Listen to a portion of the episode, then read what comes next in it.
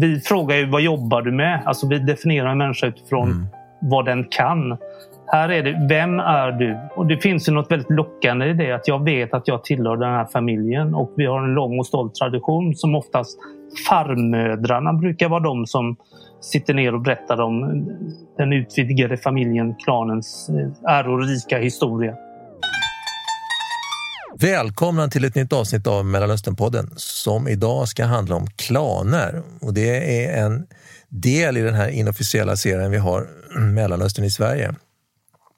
För att eh, diskutera det här intressanta ämnet så har vi med oss Sveriges Mr Klan skulle jag vilja säga. Mannen som långt före alla andra uppmärksammade det här och flaggade upp för att det här var ett fenomen som eh, alltmer påverkade Sverige författaren och journalisten Per Brinkemo. Per, välkommen till Mellanösternpodden. Tack så hemskt mycket. Idag tror jag vi måste börja från början här. Vi tror inte att alla ni lyssnare riktigt vet vad en klan är. Så här är ett försök att definiera detta begrepp som du får kommentera sen Per.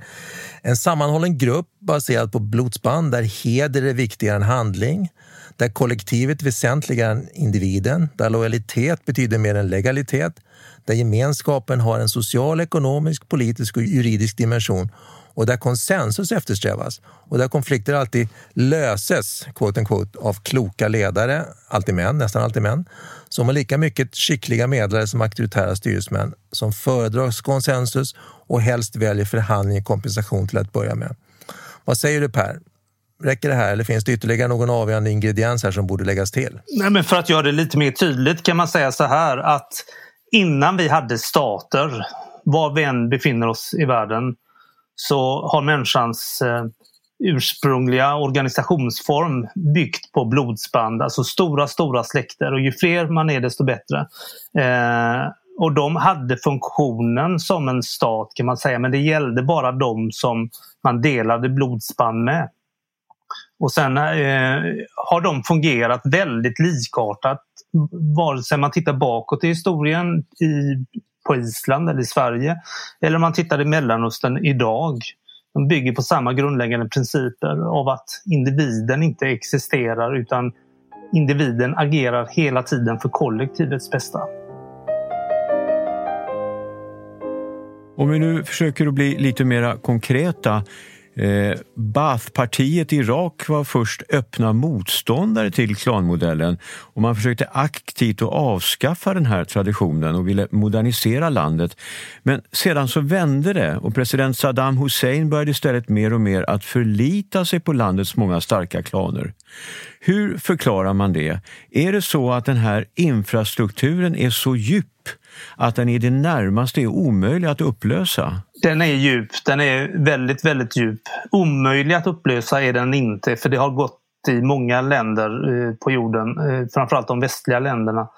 Eh, men det stämmer det du säger att Saddam Hussein var emot klanerna men inkorporerade dem i staten sen och lät Eh, de olika klanerna sköta rättsskipning. Och, det intressanta är att i nutid så vi, har vi sett samma mönster. I till exempel Libyen, Gaddafi var också till en början mot klanerna. Men eh, han mötte sånt motstånd så han arbetade via eller genom klanerna. Siad Barre i Somalia likaså. Oerhört mycket motståndare eh, mot klanerna och han hade han, han lät sätta upp plakat runt om i Somalia där det stod så här eh, Fråga inte vem du är, alltså vilken klan du tillhör. Fråga vad du kan göra för landet eller vad du kan. Men till slut så föll han på klan därför att han började bara anlita klanmedlemmar in i statsapparaten för det var bara de man kunde lita på. Och det gjorde de andra klanerna uppror och det ledde till inbördeskrig. Så det är, ett, det är ett mönster vi ser i väldigt, väldigt många länder. Nathan Sacher skriver i ett kapitel i den här boken Klanen som du redigerade tillsammans med Johan Lundberg att bromsklossen i Mellanöstern egentligen inte är islam. För religionen kan böjas och anpassas och kan tolkas på många olika sätt sinsemellan.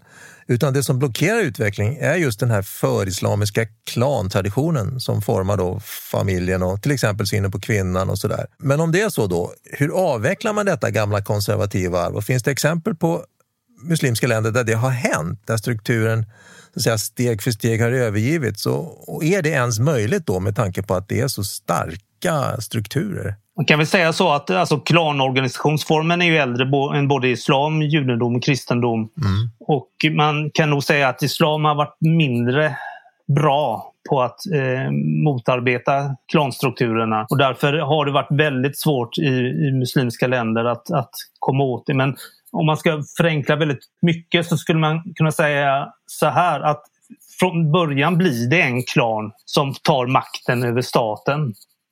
Sen gäller det då för den staten att vara så rättvis och eh, allomfattande i den meningen att man eh, tjänar hela folket och inte bara sin klan. Då skulle klanens betydelse spela ut sin roll. Men har, har, du exempel på just detta som du säger nu? Ett land som befinner sig i en, i en sådan process och hur det går det vet man inte men det är Jordanien. Där har man till exempel tre juridiska system. Man har statliga lagar och domstolar, man har sharia och man har klanjuridik.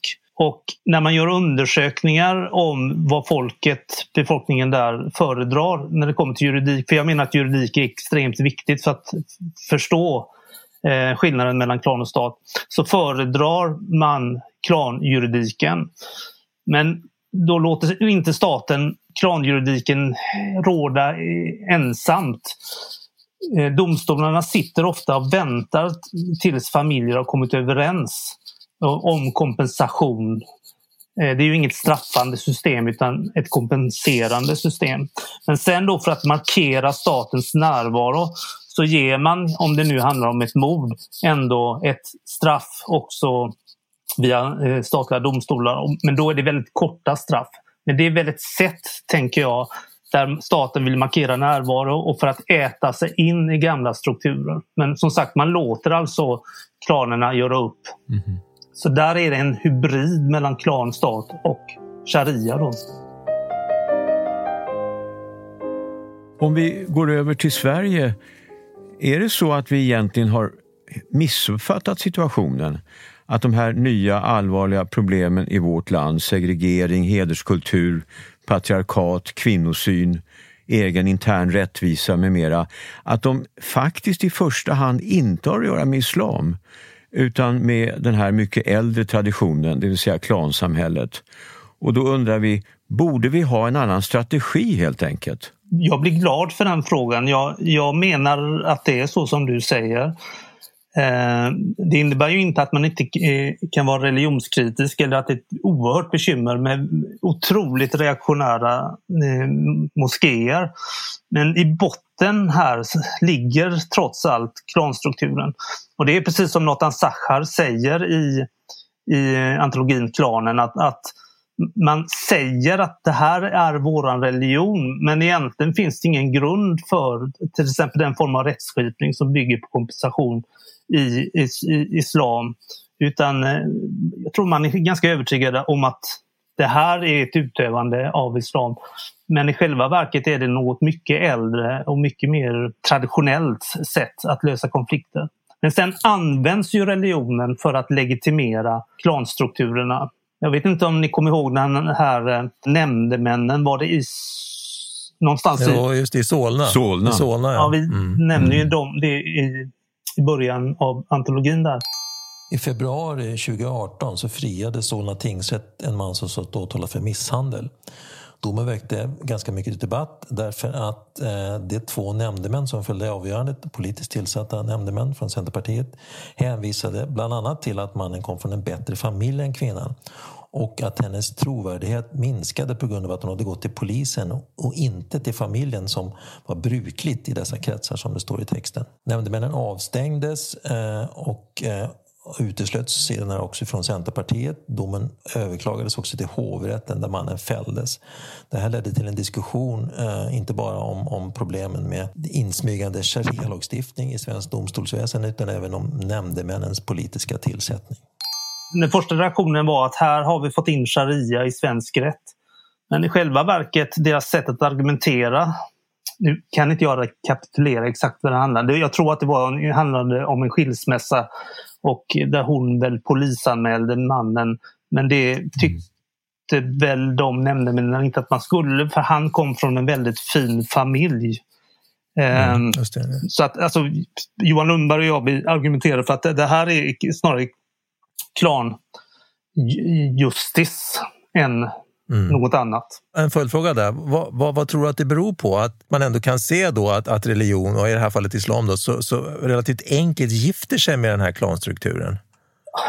Därför att man helt enkelt inte har fått till de här fungerande staterna. Mellanöstern har ju varit mm. en, en, del av det osmanska riket och osmanerna lät eh, de olika folkgrupperna sköta eh, sina, alltså på, på, i väldigt hög utsträckning sköta eh, även eh, rättvisan på eget sätt och då var det genom planjuridiken. Och, och sen har ju väst varit mm. där också. Och eh, det har liksom inte fått den tiden att, att, att växa fram till. För jag tror att det tar en fruktansvärt lång tid att, att man ska kunna lämna dem, det här kollektivistiska tänkandet och de strukturerna.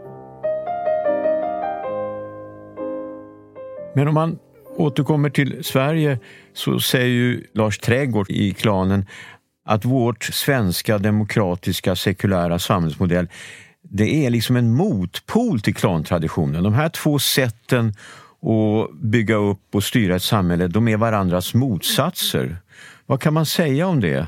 Betyder det till exempel att vi, vi har det svårare i Sverige än i många andra länder att förändra de här klanstrukturerna som invandrare från Mellanöstern har med sig? Jag tror ju som Lars Trädgård skriver att Sverige är osedvanligt illa skickat för att hantera de här strukturerna eftersom vi dels inte har någon uppfattning eller vi förstår inte på vilka grunder vår egen frihet vilar mm. eh, och har någon bild av att folk omedelbart anammar vårt sätt att se som är väldigt extremt på många sätt genom vår eh, höga interpersonella tillit, vår, vår ofattbart höga tillit, åtminstone fram till väldigt nyligen, till våra myndigheter.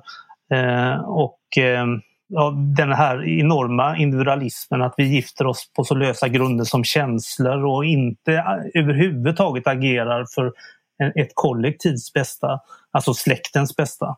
Så jag, jag, jag, tror att vi är väldigt illa skickade. Men, och det här har ju långa, långa linjer bakåt varför det har kunnat bli så här i Sverige och i andra länder. Och det är ju allt fler som pekar på att katolska kyrkan har spelat en enorm roll genom förändring av vad som har tillåtet vad gäller arvsrätt och vad gäller förbud av kusingiften, vilket upplöste strukturerna. Mm, och sen kom då också upplysningen som naturligtvis är ohyggligt viktig. Eh, tryck, eh, vad heter det, Gutenberg. Eh, att folk började läsa böcker på egen hand.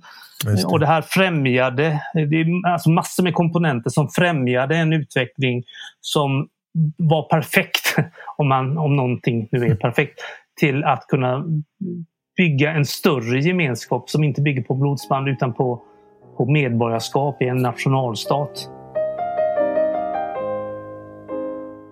Om man håller kvar lite vid den tanken här, de, de här incitamenten då eh, för medlemmarna att vara kvar i, i klanen. Man accepterar på något sätt underkastelse under kollektivet och, och, kanske lydnad också mot att man får då skydd och gemenskap. Men räcker det? Ja, men eh, det måste vara, vara mer saker som, som finns med i det här och i synnerhet om man tittar på länder som i Mellanöstern där det här är väldigt starkt. Ja, men jag tror, alltså det skulle inte överleva om det inte dels hade en väldigt praktisk funktion men också för att det var meningsskapande av att tillhöra så tydligt sammanhang där man föds in i att veta vem man är. Vi frågar ju vad jobbar du med? Alltså vi definierar en människa utifrån mm. vad den kan. Här är det, vem är du? Eh, och det finns ju något väldigt lockande i det att jag vet att jag tillhör den här familjen och vi har en lång och stolt tradition som oftast farmödrarna brukar vara de som sitter ner och berättar om den utvidgade familjen, klanens eh, ärorika historia. Eh, alltså man ingår i ett sammanhang och konfrontationen tror jag blir väldigt stark när man kommer till ett så individualistiskt land. Man kanske inte gick och funderade så mycket på det i hemlandet men när man kommer hit så blir man ännu mer medveten om eh, det egna så att säga, när man ser ett helt, en annan samhällsorganisationsform som på många sätt upplevs som omoralisk. Eftersom vi är mm. mycket mer sexuellt frigjorda och män och kvinnor har i stort ganska likartade uppgifter. Där är det ju väldigt mycket mer uppdelat. Så skillnaderna mellan de här olika strukturerna är så pass stora så att, så att de syns väldigt tydligt när, när människor kommer hit? Är det det du ja, menar? ungefär så. Mm. Om man pratar med människor som hjälper unga tjejer och killar att klara sig bort från hederskulturen så blir man ju också medveten om att om man lämnar klanen och istället blir medborgare i en modern stat då måste man få ett mervärde. Det måste finnas någonting som är attraktivt som gör att man är beredd att ge upp det som klanen levererar.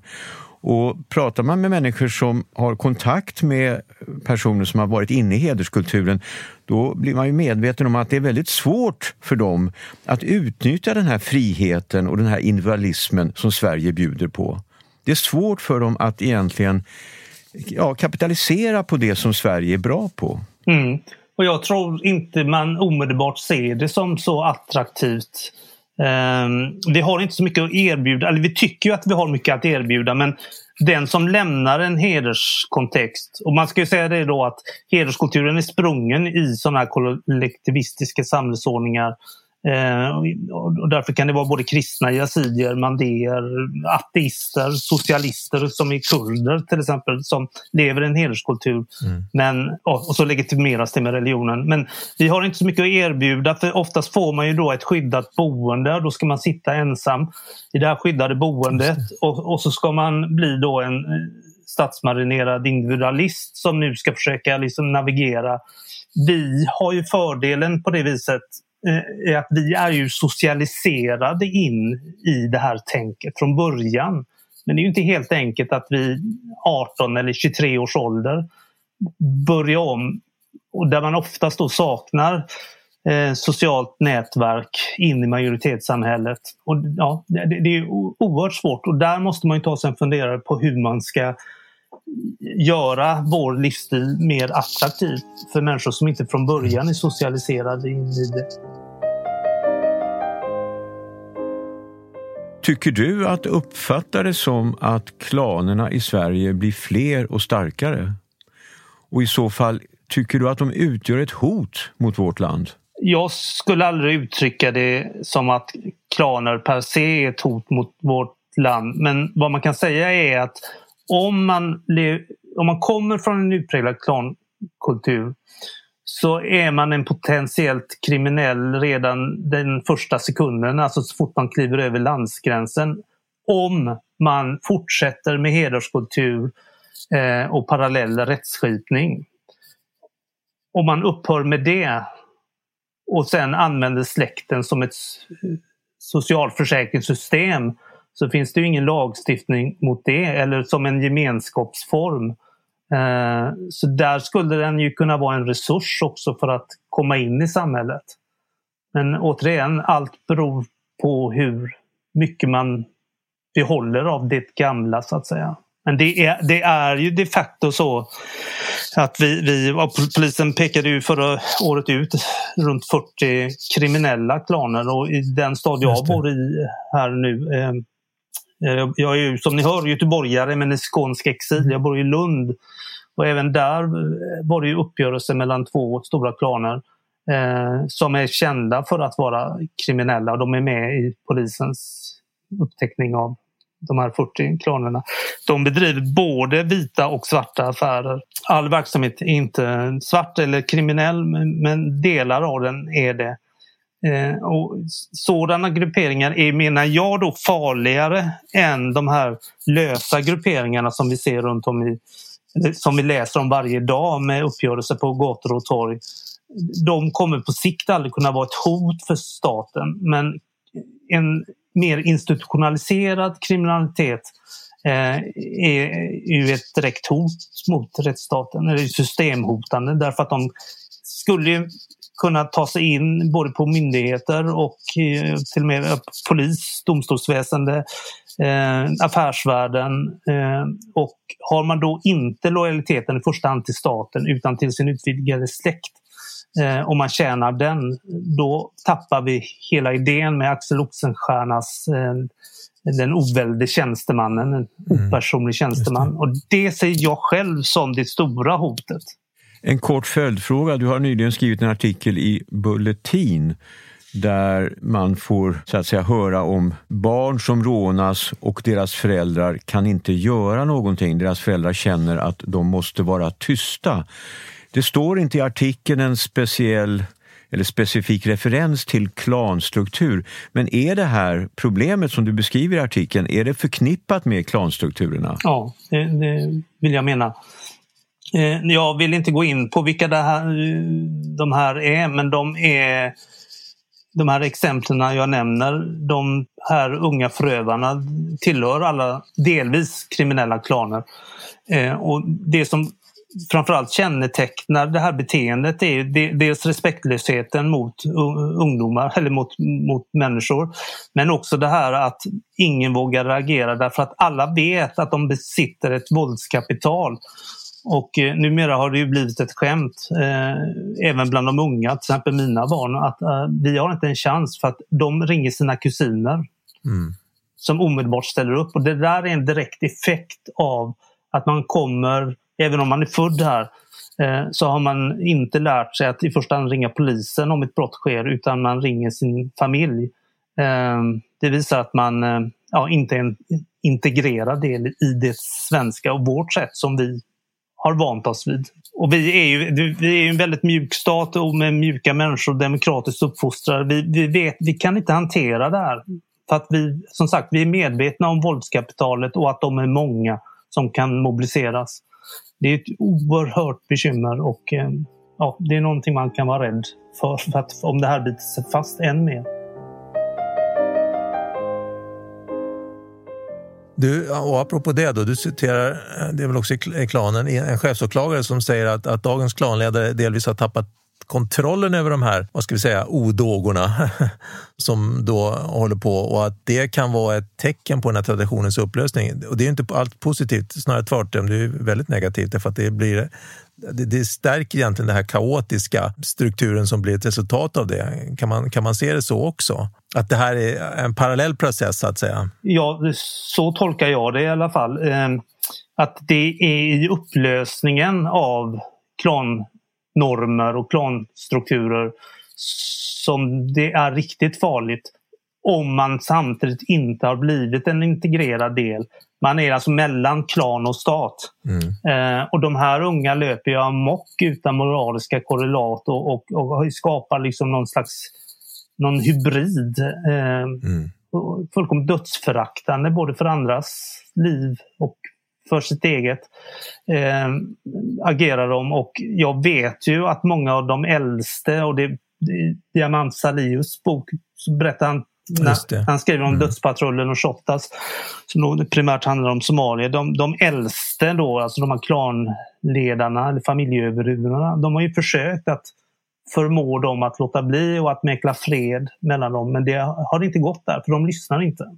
Så, så att jag menar att det är jätteviktigt att se att det finns å ena sidan den här, den här biten med de här gängkriminella eh, och den andra sidan den mer institutionaliserade klankriminaliteten som eh, mm. är mycket mer diskret. Även om man inte kan tro det efter kravallerna i Lund. Men generellt sett så agerar de inte alls lika våldsamt. Låt oss prata möjliga lösningar. Ayan Hirsi Ali menar att vi i Sverige har varit alldeles för förstående och toleranta, too much compassion, säger hon, när det gäller de nya invandrarna, istället för att fokusera på de praktiska problemen. Och hon menar att staten måste bli mycket mer närvarande och mycket mer tydlig och inte backa, till exempel från de så kallade utsatta områdena. För då uppstår ett tomrum som direkt tas över av klanerna. Hur ser du på den lägesbeskrivningen? Jag instämmer helt och fullt i den och jag hörde er intervju med henne nu idag på morgonen mm. när jag gick mm. ute med hunden. Ayan Hirsi Ali var gäst i Mellanösternpoddens förra avsnitt som släpptes den 7 oktober. Det är ett avsnitt värt att lyssna på eh, för det handlar om den påverkan som den stora migrationen från Mellanöstern och Nordafrika har haft på Europa och inte minst Sverige då och definitivt i väldigt hög utsträckning för kvinnor och unga flickor. Så lyssna gärna på den. Nej, men hon är ju klok och hon, hon, hon kommer ju från ett klansamhälle. Hon vet precis hur det här klickar in så fort staten inte visar närvaro. Eller där mm. staten viker ner sig och inte är tillräckligt, eh, vad ska man säga, tuff. Man kan ju vara tuff utan att vara brutal. Eh, mm. Och vi har saknat förmåga till tydlighet, att också förklara vårt samhälle. Eh, hon sa ju också i, i er intervju det här med att eh, som jag själv också är allt mer inne på, att, eh, att ha någon form av kontraktskrivande. Väldigt, väldigt tydligt att här, ja, vi vet att ni löste konflikter så. Här är det inte acceptabelt, det är förbjudet. Och, och att man då ja, skriver ett, någon form av kontrakt att jag överlåter rättskipningen till, till rättsstaten. Mm. Och också överhuvudtaget förklara liksom he, hela vårt ganska obegripliga system. Alltså obegripligt för den som kommer utifrån som aldrig varit med om något något sånt här. Med, med den här oerhört utvecklade socialförsäkringssystemen och med att, att, att, att vi känner sån tillit, trots allt, till myndigheterna. Jag tror att i Kanada så, har man, eh, så finns det en sån typ av kontraktskrivande av, av personer som kommer dit eh, och som, ska bli, eh, som söker asyl till exempel. Eh, att man får skriva under på ett papper där det här, precis det du säger här framgår. Mm. Ja, men om du fick kort, höll jag på att säga, det går egentligen inte, men ändå. Sammanfatta några sådana här huvudpunkter. För nu har vi talat om Sveriges svårigheter att hantera det här, den här strukturen, att vi, att vi famlar väldigt mycket. Vi vet inte riktigt vad vi ska göra och försök som har gjorts har inte lyckats speciellt bra heller. Alltså har människor tagit sig ur det här så har de gjort det av, av egen kraft egentligen. Vad skulle du lista för, för, för viktigaste konkreta åtgärder som samhället skulle kunna ta till för att få bukt med det här? Utöver det här med att, då, att ha ett kontraktsskrivande Alltså vilka punkter skulle ingå i den? skulle du säga? Det är ju detta som är så svårt eftersom det finns ingen trampad mark. Alltså migration har ju alltid skett. Eh, eh, alltså genom människans historia men aldrig från kollektivistiska samhällen till så väldefinierade stater eller välfärdsstater som Sverige.